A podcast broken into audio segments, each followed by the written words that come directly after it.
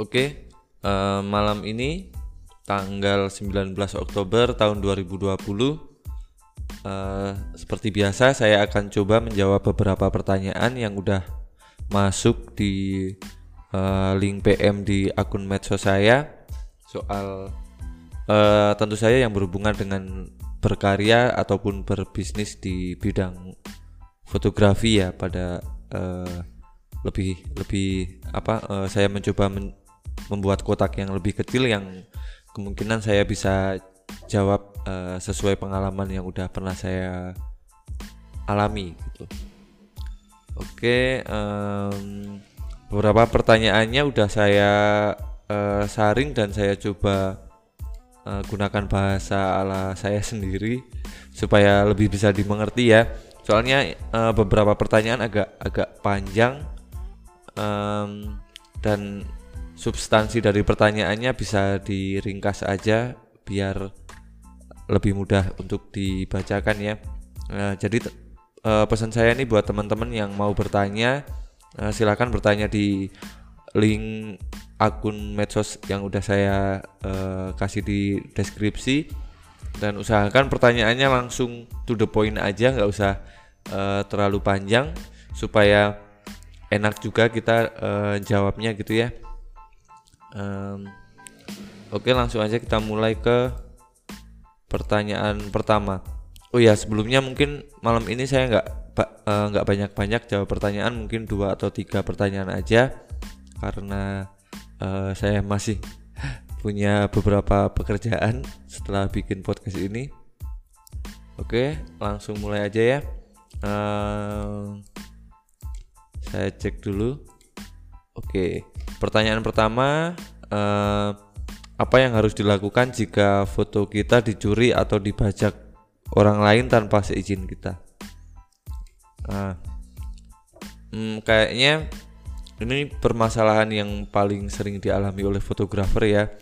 Bahkan eh, saking seringnya di luar sana kita sering kali menemui semacam adagium bahwa eh, foto-foto yang udah kita lempar di medsos itu udah eh, udah kita anggap hilang gitu, udah kita anggap eh, hak miliknya menjadi milik bersama gitu mungkin. Eh, ada juga yang mengatakan bahwa eh, pe- pekarya sudah mati ketika eh, karyanya dipublikasikan gitu. Eh, tapi saya punya cara pandang yang mungkin agak berbeda dalam menyikapi soal pembajakan atau soal pencurian karya karena eh, pemahaman saya ini berangkat dari beberapa bacaan eh, buku yang udah pernah saya baca eh, antara lain misalnya em, fake apa ya saya kok jadi lupa nih judulnya. Kalau nggak salah nih kalau nggak salah judul bukunya adalah fake factory sama eh, free jadi dua buku itu membahas soal eh, pembajakan dan soal pencurian hak cipta atau penggunaan barang-barang bajakan gitu ya. Eh, jadi saya pernah ingat eh, pernah diceritain temen atau baca di mana gitu saya agak lupa bahwa eh, pada suatu ketika Bill Gates pernah diwawancara eh, soal banyaknya pengguna Windows bajakan di eh, negara-negara di Asia gitu, terutama di Cina dan Asia Tenggara. Tapi eh, menurut Bill Gates dia tidak terlalu agresif eh, meng, apa ya merazia pengguna bajakan Windows itu karena eh, dia menurut dia eh, dari bajakan-bajakan inilah top of mind pengguna komputer itu eh, ketika menggunakan komputer maka OS yang mereka gunakan di top top mainnya mereka adalah Windows gitu. Jadi Bill Gates sengaja membiarkan aja eh, mayoritas pengguna bajakan ini untuk menggunakan OS Windows yang bajakan dulu gitu. Nanti ketika kesadarannya dia udah bertumbuh, eh, ketika tingkat ekonominya udah udah membaik, udah meningkat gitu, ketika dia memutuskan untuk membeli OS mungkin eh, di top of mind mereka yang ada di kepala mereka ya Windows gitu. Jadi karena mereka udah terbiasa menggunakan Windows, akhirnya mereka eh, membeli Windows gitu. Jadi eh, secara singkat sih bisa dikatakan Bill Gates menggunakan uh, menggunakan apa ya menggunakan fenomena pembajakan ini untuk mengalahkan pembajakan itu sendiri karena uh, yang saya sepaham dari Bill Gates karena menurut dia pembajakan itu uh, tidak bisa dihilangkan. Nah, uh, saya juga berpendapat serupa bahwa pembajakan itu mungkin nggak akan pernah bisa dihilangkan, tapi kita sebagai uh, pekarya, sebagai uh, orang yang bisnis, sebagai orang yang menjual karya gitu, yang harus kita lakukan adalah uh, mengalahkan pembajakan, bukan menghilangkan pembajakan. Karena menurut saya orang yang uh, selalu berkampanye di medsos soal stop pembajakan itu menurut saya hmm, membuang tenaga dengan sia-sia gitu. Karena menurut saya pembajakan nggak akan pernah bisa dihilangkan. Um, terus ada lagi cerita misalnya soal uh, Hollywood. Jadi ceritanya dahulu di uh, abad 18 atau abad 19 gitu uh, kemungkinan abad 19-an ya uh, itu saat itu uh, Thomas Alva Edison menciptakan alat untuk merekam video uh, dan juga menciptakan alat untuk memutar video. Jadi uh, dia bikin alat untuk bikin video sekaligus memutar videonya gitu ya. Uh, dan pada saat itu dia menciptakan atau uh, mengklaim hak cipta dari alat-alat tersebut. Jadi ketika uh, di Amerika ada orang yang membuat film atau membuat uh, apa ya Twitter dengan menggunakan dengan menggunakan kamera dan alat alat perekam dan alat pemutarnya uh, itu secara otomatis mereka harus membayar uh, royalti penggunaan alatnya kepada si uh, Alpha Edison ini melalui yayasan dia yang namanya kalau nggak salah tuh Edison Trust. Nah, uh, karena dominasi si Thomas Alva Edison ini bahkan sampai di titik suatu ketika Thomas Alva Edison ini me, sampai mengatur harga tiket uh, untuk nonton film di bioskop gitu atau nonton teater video gitu.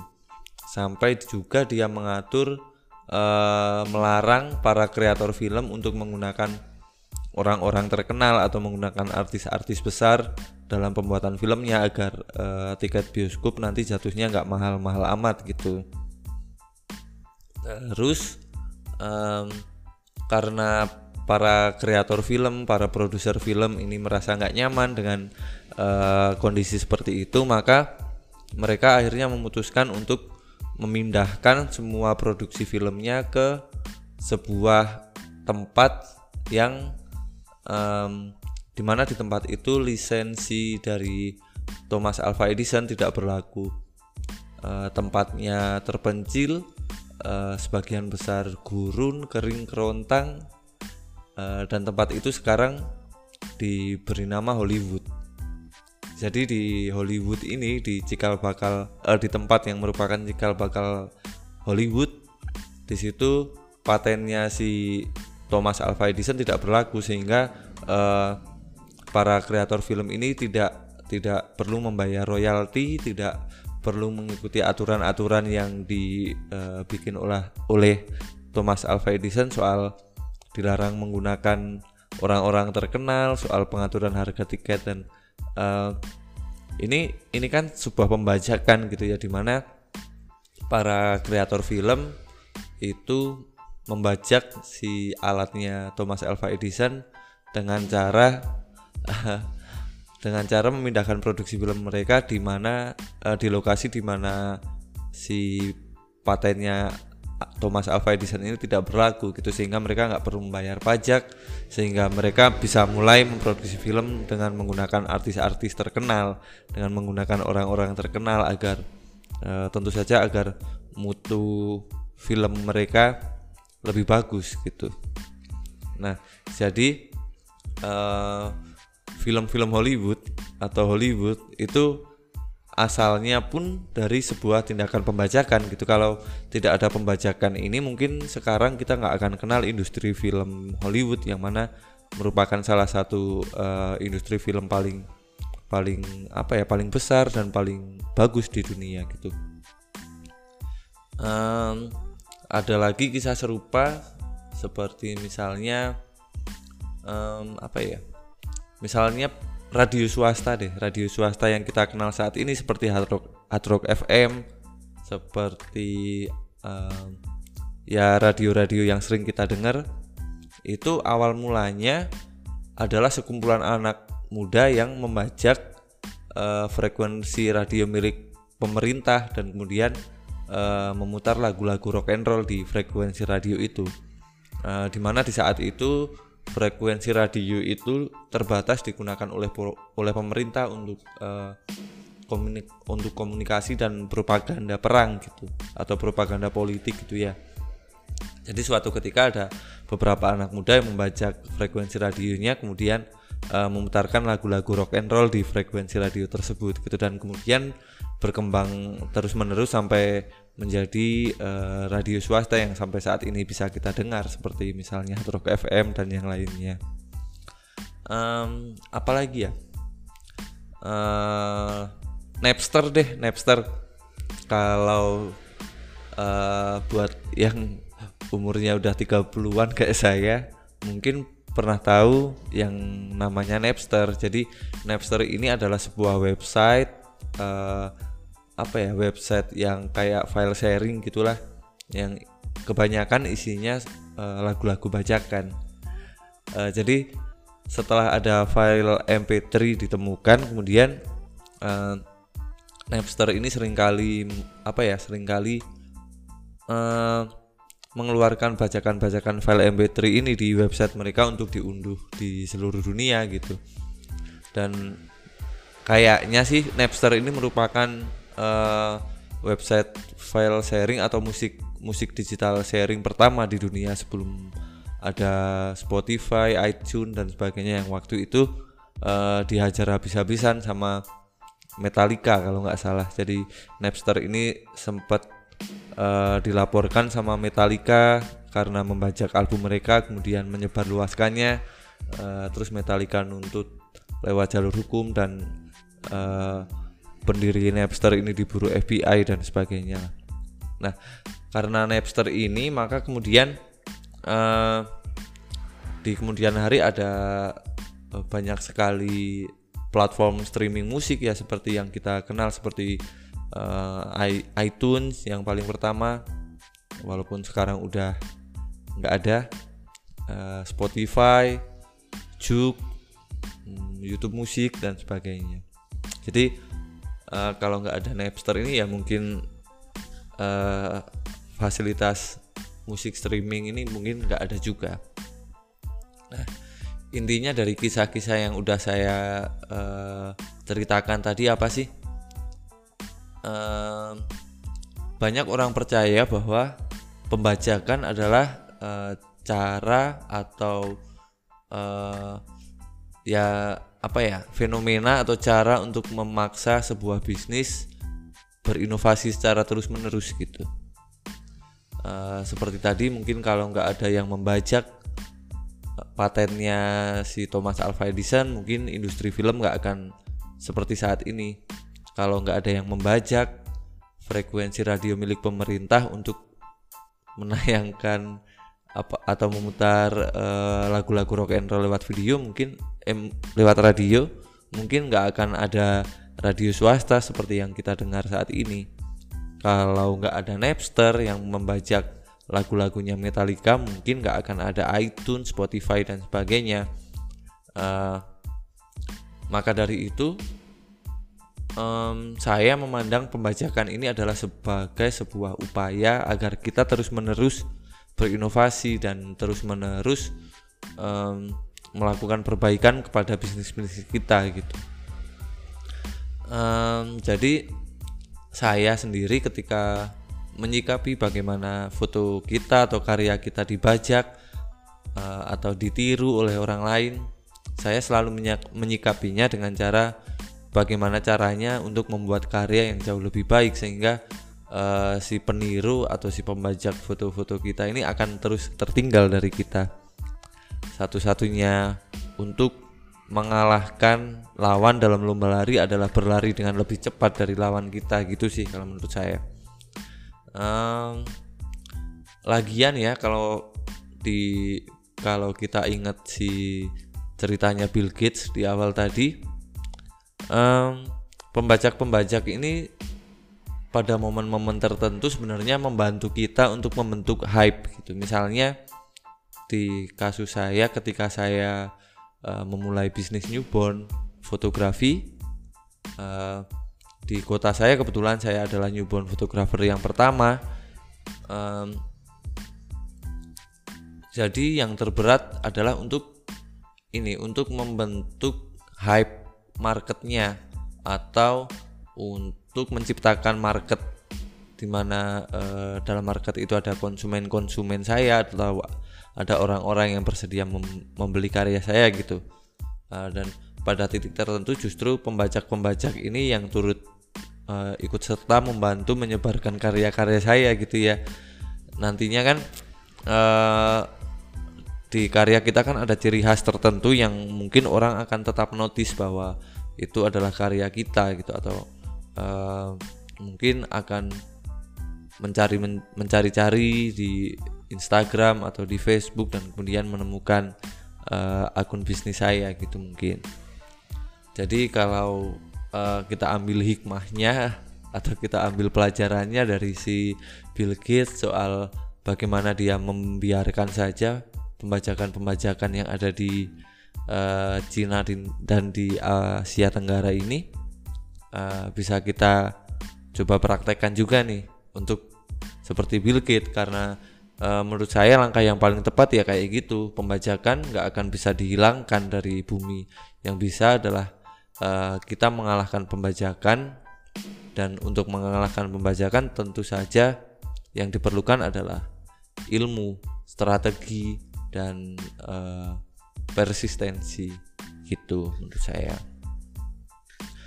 Um, apalagi ya soal pembajakan uh, kayaknya sih ada beberapa poin lagi dan uh, pembajakan ini agak menarik ya kalau kita bahas di topik tersendiri karena bisa panjang lebar nanti uh, pembahasannya. Tapi um, untuk agar masih ada durasinya saya coba ke pertanyaan selanjutnya deh pertanyaan selanjutnya um, gini. Um, agak panjang saya coba ringkas aja ya biar enak bacanya. Uh, pivot apa yang harus dilakukan fotografer ketika bisnis fotografinya mulai meredup dan bagaimana untuk memulainya? Uh, lumayan menarik. Jadi um, di kala pandemi kayak gini banyak sekali teman saya yang selamat atau survive dengan meng, uh, dengan melakukan pivot terhadap bisnis mereka gitu. Jadi uh, yang saya tekankan karena karena dulu saya adalah fotografer wedding ya dan teman-teman saya kebanyakan juga merupakan fotografer wedding. Uh, maka yang sering saya tekankan ke teman-teman adalah bahwa bisnis fotografi itu bukan hanya uh, bukan hanya di wedding aja gitu. Genre fotografi itu sangat luas dan uh, market yang membutuhkan uh, karya fotografi itu sangat sangat sangat banyak dan yang udah kita gali itu nggak ada nggak ada seperempatnya mungkin saat ini uh, yang bisa saya ingat nih. Um, selain wedding fotografi ada apa ya? Uh, ada food photographer, ada newborn photographer, ada uh, architectural photographer, ada interior photographer, ada um, company profile photographer, ada uh, digital content creator photographer, ada uh, aerial photographer, ada uh, yang saya pernah kaget itu dan baru pertama ketemu adalah fotografer untuk pemetaan lahan gitu. Uh, jadi ada ada uh, beberapa seperti perusahaan tambang minyak itu yang membutuhkan uh, jasa fotografer untuk pemetaan lahan pembukaan lahan-lahan perminyakan atau pertambangan mereka gitu ada lagi uh, fotografer untuk industri film. Ada lagi um, fotografer untuk mendokumentasikan acara ini acara kematian acara kayak layatan gitulah kayak kayak biasanya orang-orang Tionghoa itu yang uh, yang yang butuh jasa kayak gini.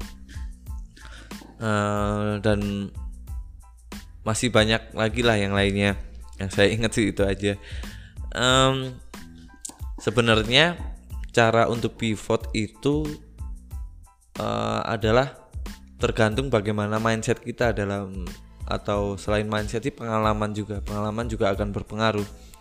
Jadi saya koreksi nih berdasarkan mindset dan pengalaman kita di dunia fotografi gitu. Makanya sejak awal saya selalu menekankan untuk tidak membatasi belajar apa pun di dunia fotografi uh, belajarlah lintas genre dalam fotografi belajar mulai foto makro, foto landscape, foto fashion, modeling dan sebagainya. Uh, jadi ketika kita memerlukan untuk melakukan pivot dalam bisnis fotografi kita, uh, maka paling enggak skill-skill kita udah mumpuni untuk uh, untuk segera melakukan pivoting gitu ya.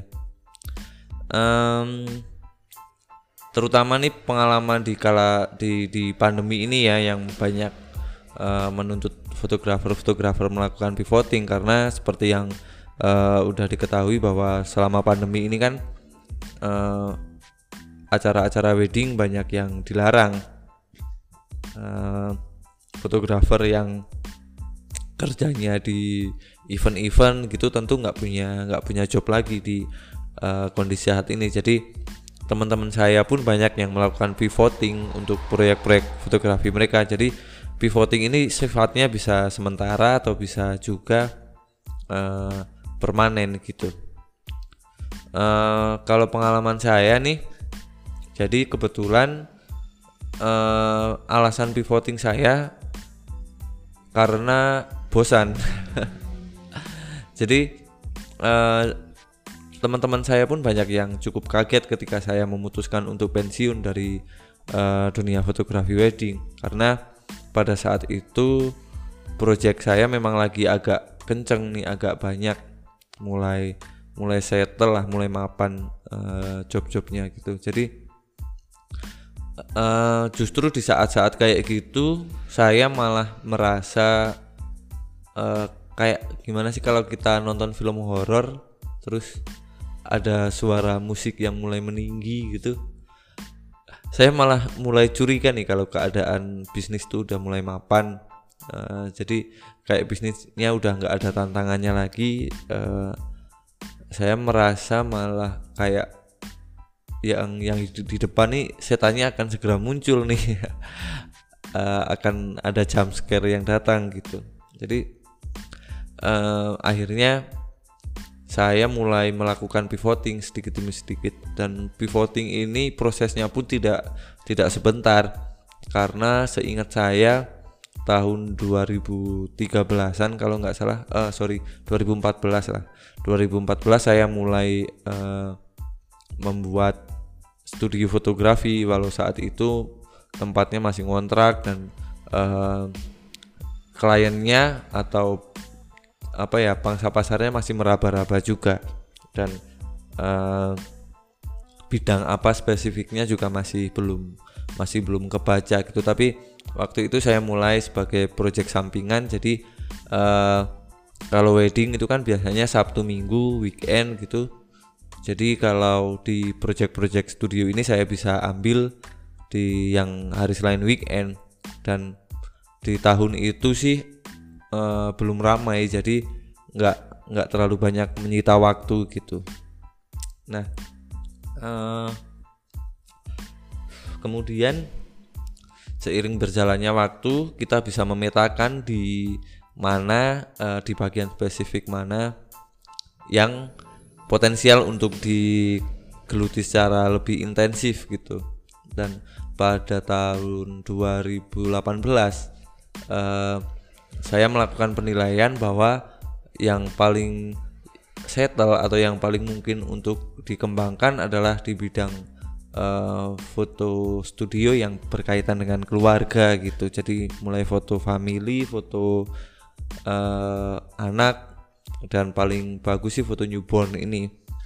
Nah, uh, jadi proses melakukan pivoting emang kadang-kadang nggak bisa nggak bisa sekejap gitu. Harus ada proses yang saya sendiri melakukannya bertahun-tahun gitu intinya. Hmm, nah eh, pengalaman bertahun-tahun itu yang akan memberikan kita semacam apa ya semacam penilaian eh, soal bagaimana untuk atau di area mana untuk kita melakukan pivoting terhadap bisnis kita di bidang apa yang akan kita tekuni jadi di kasus saya nih saya uh, melakukan pivoting dari bisnis fotografi wedding kemudian berbelok ke uh, arah uh, family fotografi gitu. Jadi masih ada masih ada sangkutannya nih karena saya amati juga klien-klien pertama studio saya juga bekas-bekas klien wedding saya dulu gitu. Nah untuk memudahkan bagaimana melakukan pivoting sebenarnya kalau dari awal kita udah mempunyai uh, semacam data untuk memetakan untuk memetakan apa ya eh, area-area mana yang bisa kita tekuni itu akan memudahkan. Nah, uh, yang saya sadari setelah beberapa tahun itu yang paling penting untuk memulai melakukan pivoting adalah uh, mentoring menurut saya.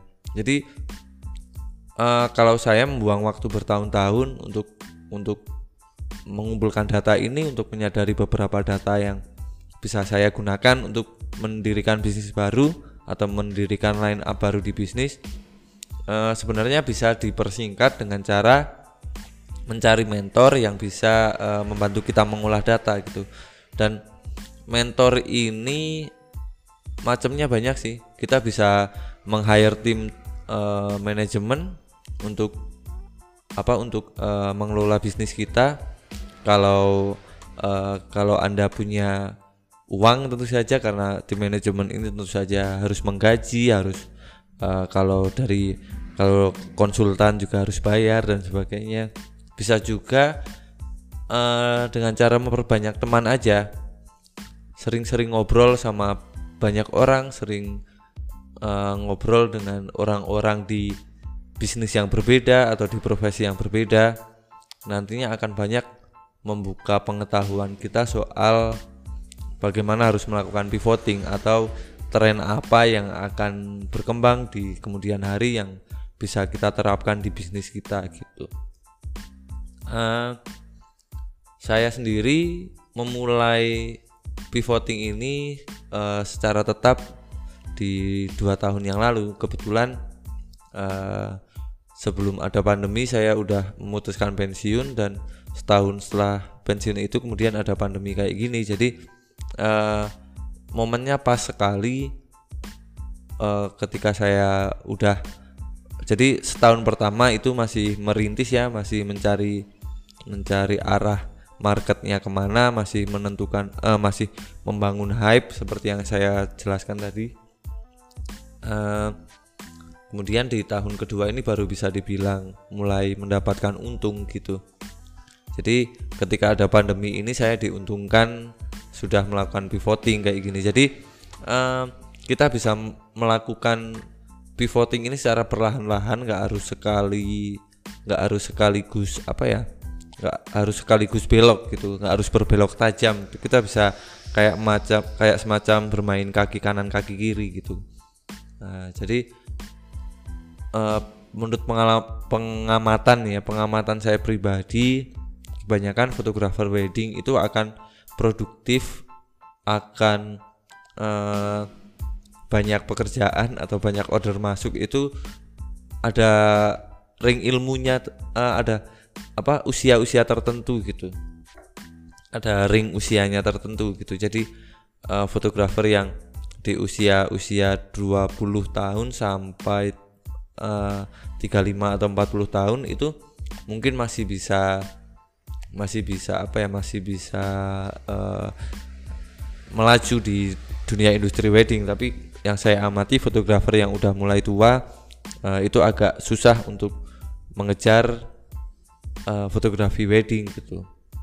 Karenanya saya dari kesadaran kayak gitu saya mencoba uh, mencari beberapa alternatif lain selain wedding fotografi sehingga nantinya saya lebih mudah untuk pivot dan agar saya masih tetap tetap bisa bekerja di dunia fotografi gitu ya.